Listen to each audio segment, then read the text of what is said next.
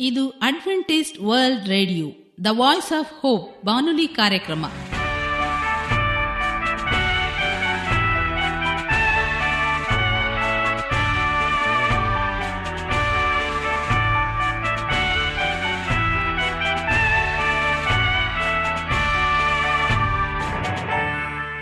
ನಮಸ್ಕಾರ ಪ್ರೀತಿಯ ಕೇಳುಗರೆ, ನಮ್ಮ ನಿಲಯದ ಕನ್ನಡ ಕಾರ್ಯಕ್ರಮಕ್ಕೆ ತಮ್ಮೆಲ್ಲರಿಗೂ ಆತ್ಮೀಯ ಸುಸ್ವಾಗತ.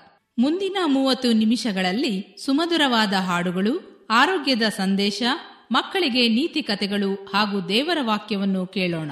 ಈ ಕಾರ್ಯಕ್ರಮ ನಿಮಗೆ ಸಂತೋಷವನ್ನು ಕೊಡಲೆಂದು ಕೋರುತ್ತೇವೆ. ಈ ಕಾರ್ಯಕ್ರಮದ ಪ್ರಾರಂಭದಲ್ಲಿ ಸುಮಧುರವಾದ ಗೀತೆಯೊಂದನ್ನು ಕೇಳೋಣ.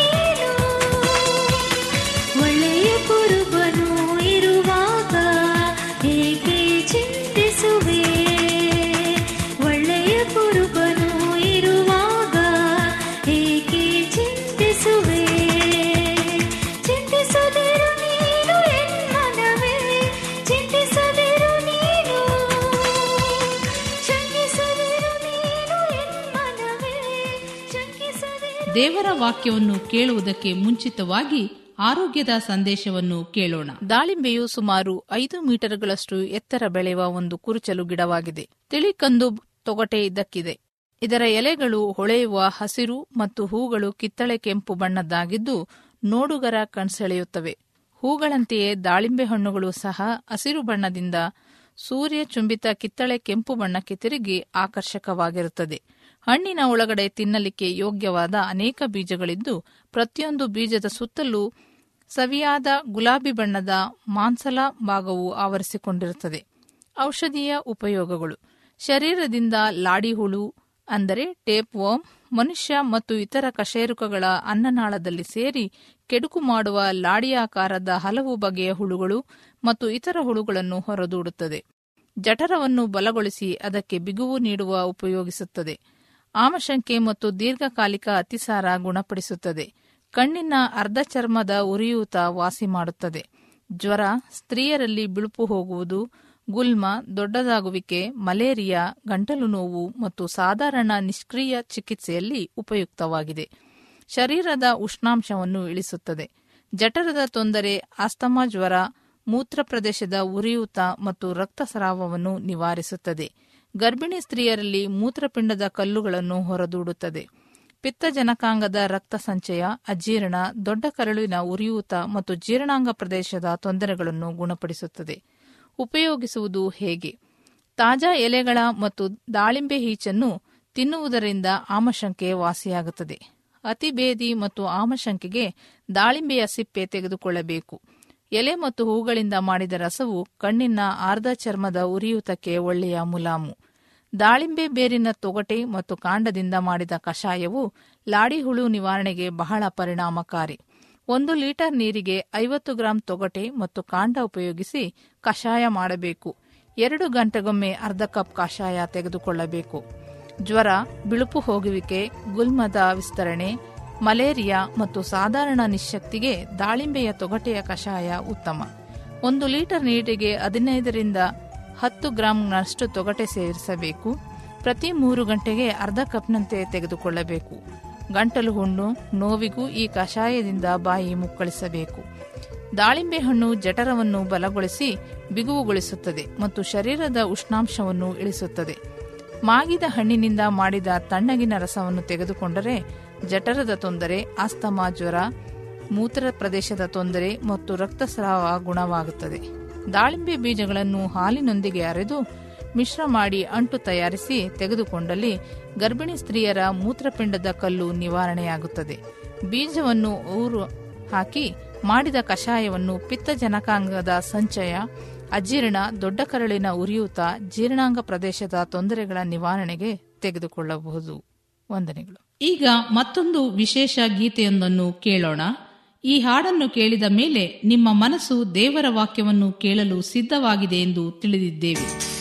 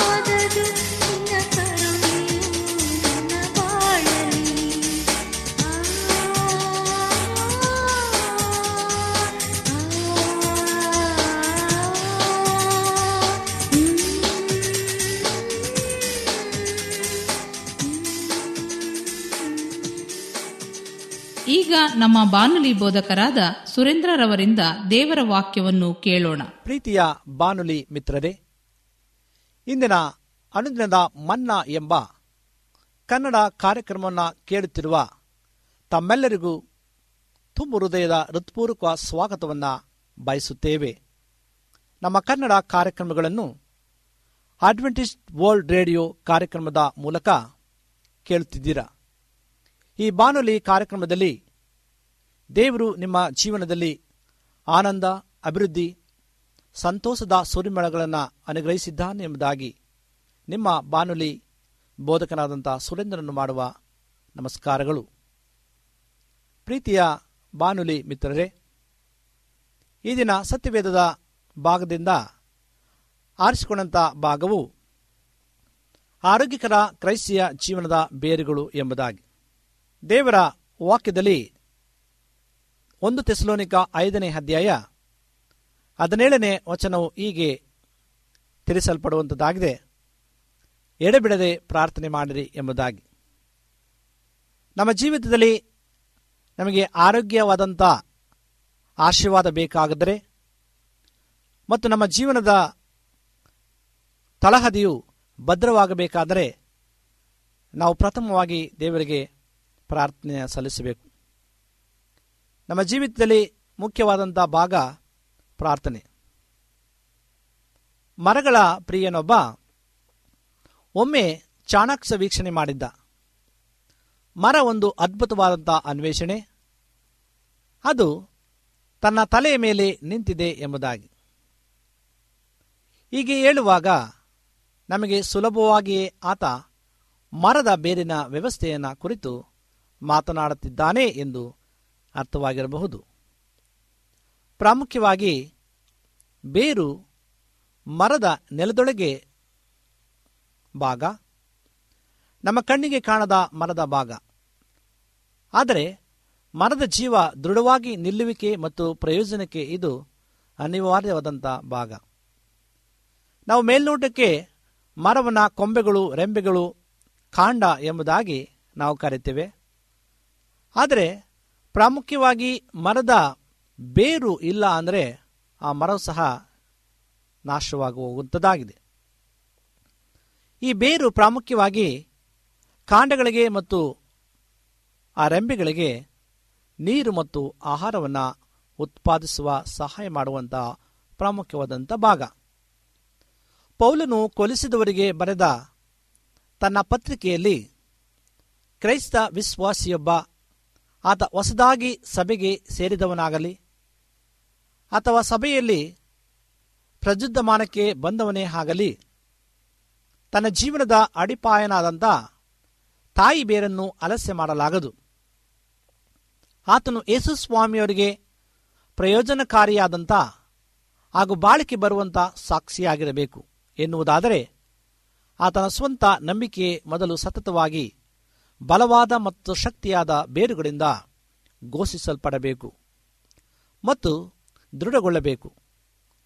ಆದುದರಿಂದ ನೀವು ಕರ್ತನಾದ ಯೇಸುವನ್ನು ಕ್ರಿಸ್ತನನ್ನು ಅಂಗೀಕರಿಸಿದಂತೆಯೇ ಆತನಲ್ಲಿದ್ದವರಾಗಿ ನಡೆದುಕೊಳ್ಳಿರಿ. ಆತನಲ್ಲಿ ಬೇರೂರಿಕೊಂಡು ಭಕ್ತಿ ವೃದ್ಧಿಯನ್ನು ಹೊಂದಿ ನಿಮಗೆ ಬೋಧಿಸಲ್ಪಟ್ಟು ಉಪದೇಶದ ಪ್ರಕಾರವೇ ಕ್ರಿಸ್ತ ನಂಬಿಕೆಯಲ್ಲಿ ನೆಲೆಗೊಂಡು ದೇವರಿಗೆ ಹೆಚ್ಚೆಚ್ಚಾಗಿ ಸ್ತೋತ್ರ ಮಾಡುವರಾಗಿರಿ ಎಂಬುದಾಗಿ ಪೌಲನು ಕೊಲಿಸಿದವರಿಗೆ ಬರೆದ ಪತ್ರಿಕೆ ಎರಡನೇ ಅಧ್ಯಾಯ ಆರು ಮತ್ತು ಏಳನೇ ವಚನವು ಸ್ಪಷ್ಟವಾಗಿ ತಿಳಿಸುವಂತದ್ದಾಗಿದೆ. ಕ್ರೈಸ್ತಿಯ ಜೀವನದ ಬೇರುಗಳು ಯಾವುದೇ ಯಾಂತ್ರಿಕ ಪ್ರಕ್ರಿಯೆಗೊಳಗಾಗಿ ಕೆಲಸ ಮಾಡುವುದಿಲ್ಲ. ಅವುಗಳನ್ನು ನಾವು ಪ್ರಾಮಾಣಿಕವಾಗಿ ಬೇಯಿಸಿಕೊಳ್ಳಬೇಕು. ದೇವರು ಅದೃಶ್ಯನಾಗಿದ್ದರು ಮತ್ತು ಕೈಯಿಂದ ಆತನನ್ನು ನಮ್ಮಿಂದ ಮುಟ್ಟಲಾಗದಿದ್ದರೂ ಆತನ ಸಾಮೀಪ್ಯಕ್ಕೆ ಹೋಗಲು ಅವರು ಮೂರು ಸಾಧ್ಯತೆಗಳನ್ನು ನೇಮಕ ಮಾಡಿಕೊಂಡಿದ್ದಾರೆ.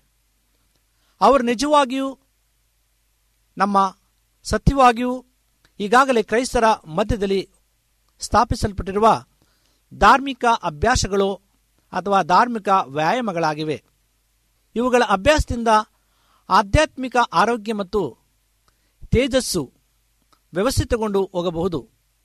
ಈ ಮೂರು ರಂಗಗಳಲ್ಲಿ ನಾವು ಯಾವುದಕ್ಕೆ ಹೆಚ್ಚಿನ ಪ್ರಾಧಾನ್ಯತೆಯನ್ನು ಕೊಟ್ಟು ಇವುಗಳನ್ನು ಯಾವ ಕ್ರಮದಲ್ಲಿ ನಮ್ಮ ಜೀವನದಲ್ಲಿ ವ್ಯವಸ್ಥಿತಗೊಳಿಸುತ್ತೇವೆ, ಅದರ ಆಧಾರದ ಮೇಲೆ ನಮ್ಮ ಕ್ರೈಸ್ತಿಯ ಜೀವನದ ಯಶಸ್ಸು ಅಥವಾ ಸೋಲು ಅವಲಂಬನೆಗೊಳ್ಳುತ್ತದೆ.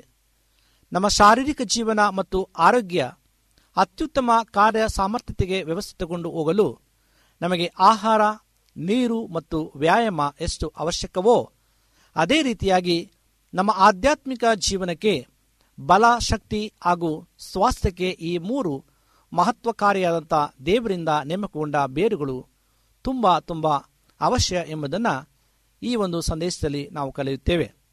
ಆರೋಗ್ಯಕರ ಕ್ರೈಸ್ತಿಯ ಜೀವನದ ಬೇರುಗಳು ಎಂಬ ಸಂದೇಶದ ಶಿರುನಾಮೆಯಡಿಯಲ್ಲಿ ಮೊದಲನೆಯ ಬೇರು ಪ್ರಾರ್ಥನೆ. ಒಂದು ತೆಸಲೋನಿಕ ಐದನೆಯ ದೇಹ ಹದಿನೇಳು ನಿಮಿಷದಲ್ಲಿ ಈಗಾಗಲೇ ನಾವು ಓದಿರುವ ಹಾಗೆ ಎಡಬಿಡದೆ ಪ್ರಾರ್ಥನೆ ಮಾಡಿರಿ ಎಂಬುದಾಗಿ. ಪ್ರಾರ್ಥನೆಯನ್ನು ಆತ್ಮದ ಉಸಿರು ಎಂದು ವರ್ಣಿಸಲಾಗಿದೆ. ಉಸಿರಾಟದ ಸ್ವಯಂ ಪೂರ್ತಿಯ ಕ್ರಿಯೆ ಬದುಕಿರಲು ಅತ್ಯವಶ್ಯಕವಾಗಿ ನಡೆಯಲೇಬೇಕಾದಂಥ ಕ್ರಿಯೆ. ಅದೇ ರೀತಿಯಲ್ಲಿ ಒಬ್ಬ ಆರೋಗ್ಯಕರ ಹಾಗೂ ಸತ್ಯಸಂಧಾನವಾದ ಕ್ರೈಸ್ತಿಯ ಜೀವನದಲ್ಲಿ ಪ್ರಾರ್ಥನೆ ಸ್ವಯಂ ಪೂರ್ತಿಯಾಗಿ ಮೂಡಿಬರಬೇಕು. ಮತ್ತು ಅತ್ಯವಶ್ಯಕವಾಗಿ ನಡೆಯಬೇಕು. ಗಾಳಿ ಇಲ್ಲದಿದ್ದರೆ ನಮ್ಮ ದೇಹ ಹೇಗೆ ತತ್ಕ್ಷಣ ಮರಣಿಸುತ್ತದೋ ಅದೇ ರೀತಿಯಾಗಿ ಪ್ರಾರ್ಥನೆ ಇಲ್ಲದಿದ್ದರೆ ನಮ್ಮ ಆತ್ಮ ತಕ್ಷಣದಲ್ಲಿ ನಾಶವಾಗುತ್ತದೆ ಎಂಬುದಾಗಿ. ಅಧಂಪತನಗೊಳ್ಳಲಿರುವ ಈ ಭೂಮಿಯಲ್ಲಿರುವ ಮಾನವನನ್ನು ಸಮುದ್ರದೊಳಗೆ ಅನ್ವೇಷಣೆ, ಸಂಶೋಧನೆ ನಡೆಸುವ ಮಾನವನೊಂದಿಗೆ ಹೋಲಿಸಬಹುದು. ನೀರು ಒಳಗಿದ್ದ ಆತ ಬದುಕಬೇಕೆಂದರೆ ಆತ ಆಮ್ಲಜನಕ ಸರಬರಾಜು ಮಾಡುವ ಕೊಳವೆಯೊಂದಿಗೆ ಸತತವಾಗಿ ಸಂಪರ್ಕ ಹೊಂದಿರಬೇಕು. ಆ ಸಂಪರ್ಕ ಕಡಿದ ಮರುಕ್ಷಣವೇ ಆತ ಮರಣಿಸುವನು. ಹಾಗೆಯೇ ಈ ದುಷ್ಟ ಪ್ರಪಂಚದಲ್ಲಿರುವ ಮಾನವ ಪ್ರಾರ್ಥನೆ ಎಂಬ ಕೊಳವೆಯ ಮೂಲಕ ಪರಲೋಕದೊಂದಿಗೆ ಸಮರ್ಪಕ ಹೊಂದಿರಬೇಕು. ಆ ಸಮರ್ಪಕವನ್ನು ಕಳೆದುಕೊಂಡ ಕ್ಷಣವೇ ಮನುಷ್ಯ ಆಧ್ಯಾತ್ಮಿಕವಾಗಿ ಮರಣಿಸುವನು ಎಂಬುದಾಗಿ. ಎರಡನೇದಾಗಿ, ಎರಡನೆಯ ಬೇರು ಸತ್ಯವೇದ ಅಧ್ಯಯನ. ಮನುಷ್ಯನು ರೊಟ್ಟಿ ತಿಂದ ಮಾತ್ರಕ್ಕೆ ಬದುಕುವುದಿಲ್ಲ, ದೇವರ ಬಾಯಿಂದ ಹೊರಡುವ ಪ್ರತಿಯೊಂದು ಮಾತಿನಿಂದಲೂ ಬದುಕುವನು ಎಂದು ಬರೆದಿದೆ. ಮತ್ತಾಯ ನಾಲ್ಕು ನಾಲ್ಕರಲ್ಲಿ ಸ್ಪಷ್ಟವಾಗಿ ಈ ವಾಕ್ಯವು ತಿಳಿಸುವಂಥದ್ದಾಗಿದೆ ಇಂದು ನಮ್ಮಲ್ಲಿ ಬಹಳ ತುರ್ತಾಗಿ ನಡೆಯಬೇಕಾದ ಕಾರ್ಯವೇನೆಂದರೆ ಅನುದಿನದ ಅನುಕ್ರಮದ ಸತ್ಯವೇದ ಅಧ್ಯಯನ. ಆತ್ಮವನ್ನು ಕೃಷಿ ಮಾಡುವ ಪ್ರತಿಯೊಬ್ಬರಿಗೆ ಆ ಅಧ್ಯಯನ ಬಹು ಮುಖ್ಯ. ಆತ್ಮ ಸಂಸ್ಕಾರದ ಮಾರ್ಗ, ಸತ್ಯವೇದ ವಚನ, ದೇವರ ಕೃಪೆಯನ್ನು ದರೆಗಿಡಿಸಿ ದೇವರನ್ನು ದರ್ಶನ ಮಾಡಿಸುವ ಮಾಧ್ಯಮ. ಸತ್ಯವೇದ ಪಠಣ ಇಂಥ ದೇವರ ವಾಕ್ಯದ ಧ್ಯಾನ ವೈಯಕ್ತಿಕವಾಗಿ ಅವರ ಇರುವಿಕೆಯನ್ನು ಅನುಭವಿಸುವ ಸಾಧನ ಎಂಬುದಾಗಿ ತಿಳಿಸುವಂಥದ್ದಾಗಿದೆ ಮೂರನೇದಾಗಿ, ಮೂರನೇ ಒಂದು ಬೇರು ಯೇಸುಸ್ವಾಮಿಯನ್ನ ಕುರಿತ ನಮ್ಮ ಜ್ಞಾನವನ್ನು ಹಂಚಿಕೊಳ್ಳುವಿಕೆ. ಮಾರ್ಕನ ಬರೆಸುವಾರ್ತೆ ಐದನೇ ಅಧ್ಯಾಯ ಹತ್ತೊಂಬತ್ತನೇ ವರ್ಷದಲ್ಲಿ ಹೀಗೆ ಬರೆಯಲ್ಪಟ್ಟಿದೆ. ನೀನು ನಿನ್ನ ಮನೆಗೂ ನಿನ್ನ ಜನರ ಬಳಿಗೂ ಹೋಗಿ ಸ್ವಾಮಿಯು ನಿನ್ನಲ್ಲಿ ಕರುಣೆ ಇಟ್ಟು ನಿನಗೆ ಎಂತೆಂಥ ಉಪಕಾರಗಳನ್ನು ಮಾಡಿದ್ದನೋ ಅದನ್ನು ಹೇಳು ಎಂಬುದಾಗಿ. ನಾವು ನಮ್ಮ ಜೀವಿತದಲ್ಲಿ ಯೇಸು ಸ್ವಾಮಿಯ ಕುರಿತು ಸಾಕ್ಷಿಯನ್ನು ಹೇಳಬೇಕಾಗಿದೆ. ದೇವರು ನಮ್ಮ ಜೀವಿತದಲ್ಲಿ ಮಾಡತಕ್ಕಂಥ ಪ್ರತಿಯೊಂದು ಅದ್ಭುತ ಕಾರ್ಯಗಳನ್ನು, ಸಹಾಯಗಳನ್ನು ಅನೇಕರಿಗೆ ನಾವು ಹಂಚಿಕೊಳ್ಳಬೇಕಾಗಿದೆ ಪ್ರಿಯರೇ. ನಾವು ಯಾವಾಗ ದೇವರ ರಕ್ಷಣೆಯ ಸಂದೇಶವನ್ನು ಬೇರೆಯವರೊಂದಿಗೆ ಹಂಚಿಕೊಳ್ಳುತ್ತೇವೆಯೋ, ಆಗ ತಾನೇ ಅದು ಅಮೂಲ್ಯವಾದಂಥ ಅರ್ಥಪೂರ್ಣ ಆಗುತ್ತದೆ ಎಂಬುದಾಗಿ. ಅದು ತಾನೇ ಕ್ರೈಸ್ತಿಯ ಜೀವನದ ಬಹು ಜನಪ್ರಿಯವಾಗಿ ಸ್ಥಾಪಿಸಲ್ಪಟ್ಟ ಕಾಯ್ದೆಗಳಾಗಿದೆ. ಪ್ರಾರ್ಥನೆಯು ಕ್ರೈಸ್ತರ ಮಹತ್ವಪೂರ್ಣ ಉಸಿರಾದರೆ ನಮ್ಮ ಸತ್ಯವೇದ ಅಧ್ಯಯನ ಅವರ ಆಹಾರ. ದೇವರಿಗೆ ಸಾಕ್ಷಿಯಾಗಿರುವಿಕೆ ವ್ಯಾಯಾಮ ಎನಿಸುತ್ತದೆ. ಆದ್ದರಿಂದ ಆತ್ಮೀಯ ಪ್ರೇರೆ ನಾವು ಈ ಒಂದು ಸಂದೇಶವನ್ನು ಕೇಳುವಾಗ ನಮ್ಮ ಹೃದಯದಲ್ಲಿ ಏನು ಒಂದು ರೀತಿಯಾದಂಥ ಪರಿಚಲನ ಉಂಟಾಗ್ತಕ್ಕಂಥದ್ದಾಗಿದೆ. ಯಾರೋ ಒಬ್ಬರು ಯೇಸುಸ್ವಾಮಿ ಪರಲೋಕಕ್ಕೆ ಹಿಂದಿರುಗಿ ಹೋದ ತಕ್ಷಣ ಏನು ನಡೆದಿರಬಹುದು ಎಂಬುದನ್ನು ಕಲ್ಪನೆ ಮಾಡಿ ನೋಡಿದ್ದಾರೆ. ಯೇಸುಸ್ವಾಮಿಯರು ಗಬ್ರಿಯಲ್ ದೂತನೊಂದಿಗೆ ಕೈ ಜೋಡಿಸಿಕೊಂಡು ಪರಲೋಕದ ಚಿನ್ನದ ಬೀದಿಗಳಲ್ಲಿ ನಡೆಯುತ್ತಿರುವ ಚಿತ್ರಣವನ್ನು ನಮ್ಮ ಮುಂದಿಡತಕ್ಕಂಥರಾಗಿದ್ದಾರೆ ಆದ್ದರಿಂದ ನಾವು ಆತನ ಒಂದು ಬರೋಣದಲ್ಲಿ ಸಿದ್ಧರಾಗಿ, ಶುದ್ಧರಾಗಿ ನಾವು ಜೀವಿಸುವಾಗ ನಿಜವಾಗೂ ಸಹ ದೇವರು ನಮ್ಮ ಜೀವಿತದಲ್ಲಿ ಮಾಡತಕ್ಕಂಥ ಎಲ್ಲ ಆಶೀರ್ವಾದಗಳನ್ನು ಹಾಗೂ ಎಲ್ಲ ರೀತಿಯಂಥ ಸಹಾಯಗಳನ್ನು ನಾವು ನೆನೆಸುವುದಾದರೆ ದೇವರಿಗೆ ನಾವು ಕೃತಜ್ಞತೆಯನ್ನು ಸಲ್ಲಿಸುವಂತರಾಗಿದ್ದೇವೆ. ಈ ಕ್ರೈಸ್ತಿಯ ಜೀವನದ ಮೂರು ಬೇರುಗಳನ್ನು ನಮ್ಮ ಜೀವನದಲ್ಲಿ ನಾವು ಇಟ್ಟುಕೊಂಡು ನಾವು ಅಧ್ಯಯನ ಮಾಡುವುದಾದರೆ, ಮೊದಲನೇದಾಗಿ ಪ್ರಾರ್ಥನೆ, ಎರಡನೇದಾಗಿ ಸತ್ಯವೇದ ಅಧ್ಯಯನ, ಮೂರನೇದಾಗಿ ಸಾಕ್ಷಿ ಕೊಡುವುದು. ಈ ಮೂರು ಬೇರುಗಳನ್ನು ನಮ್ಮ ಕ್ರೈಸ್ತಿಯ ಜೀವಿತದಲ್ಲಿ ನಾವು ಅಳವಡಿಸಿಕೊಂಡು ನಡೆಯುವುದಾದರೆ, ಖಂಡಿತವಾಗಲೂ ದೇವರು ನಮ್ಮ ಜೀವಿತದಲ್ಲಿ ಹೊಸ ಆಶೀರ್ವಾದವನ್ನು ನೀಡುವಂತನಾಗಿದ್ದಾನೆ. ಆತ್ಮೀಯ ಬಂಧುಗಳೇ, ಈ ಸಮಯದಲ್ಲಿ ನಾವು ದೇವರ ಸಂದೇಶವನ್ನು ಕೇಳಿದ್ದೇವೆ. ಆತ್ಮನ ಪವಿತ್ರಾತ್ಮನ ಸಹಾಯಕ್ಕೋಸ್ಕರವಾಗಿ ನಮ್ಮ ಕಣ್ಣುಗಳನ್ನು ಮುಚ್ಚಿ ಪ್ರಾರ್ಥನೆಯನ್ನು ಮಾಡಿಕೊಳ್ಳೋಣ. ಜೀವ ಸ್ವರೂಪನಾಗಿರ್ತಕ್ಕಂಥ ತಂದೆಯಾದ ದೇವರೇ, ನಿನ್ನ ಅಪಾರವಾದಂಥ ಪ್ರೀತಿಗಾಗಿ ನಿನಗೆ ಸ್ತೋತ್ರ. ನೀನು ಮಾಡಿರ್ತಕ್ಕಂಥ ಎಲ್ಲ ಸಹಾಯಗಳಿಗಾಗಿ ನಿನಗೆ ವಂದನೆಯನ್ನು ಸಲ್ಲಿಸ್ತೇವೆ. ಸ್ವಾಮಿ, ನಮ್ಮ ಜೀವಿತಲಿ ಕ್ರೈಸ್ತಿಯ ಜೀವಿತಲಿ ಎಷ್ಟು ಬೇರುಗಳು ಪ್ರಾಮುಖ್ಯ ಎಂಬುದನ್ನು ನಾವು ತಿಳಿದುಕೊಂಡಿದ್ದೇವೆ. ಪ್ರಾರ್ಥನೆ ಹಾಗೂ ನಿನಗೆ ಸಾಕ್ಷಿ ಕೊಡುವಂಥದ್ದು ಮತ್ತು ನನ್ನ ಸತ್ಯವೇದ ಅಧ್ಯಾಯವನ್ನು ಧ್ಯಾನಿಸುವುದು ಎಂಬುದಾಗಿ ನೀನು ಹೇಳಿದೆಯಾ ಹಾಗೋಸ್ಕರವಾಗಿ ಕರ್ತನೆ ನಾವು ಈ ಮೂರು ಕಾರ್ಯಗಳನ್ನು ನಮ್ಮ ಜೀವಿತದಲ್ಲಿ ನಾವು ಸ್ಥಿರವಾಗಿ ನಿಲ್ಲಲು, ಬೇರುಗಳಾಗಿ ಅನೇಕ ಸ್ಥಳಗಳಲ್ಲಿ ನಾವು ಬೀಡು ಬಿಡಲು ನಮಗೆ ಸಹಾಯ ಮಾಡೆಂದು ಹಾಗೂ ಕೇಳುವಂಥ ಈ ವಾಕ್ಯಗಳನ್ನು ದೇವರು ಆಶ್ರಯಿಸಲೆಂದು, ಎಲ್ಲ ರೀತಿಯಂಥ ಸಮಸ್ಯೆಗಳಿಂದ ಅವರು ಬಿಡಿಸಿ ಸುಖಾವಸ್ಥೆಗೆ ತರಲೆಂದು ಯೇಸು ಕ್ರಿಸ್ತನ ಮುದ್ದಾದ ನಾಮದಲ್ಲಿ ತಮ್ಮ ಪಾದಕ್ಕೆ ಅಡ್ಡಬಿದ್ದು ದಿನನಾಗಿ ಬೇಡಿಕೊಳ್ಳುತ್ತೇವೆ ತಂದೆಯೇ. ಆಮೇನ್.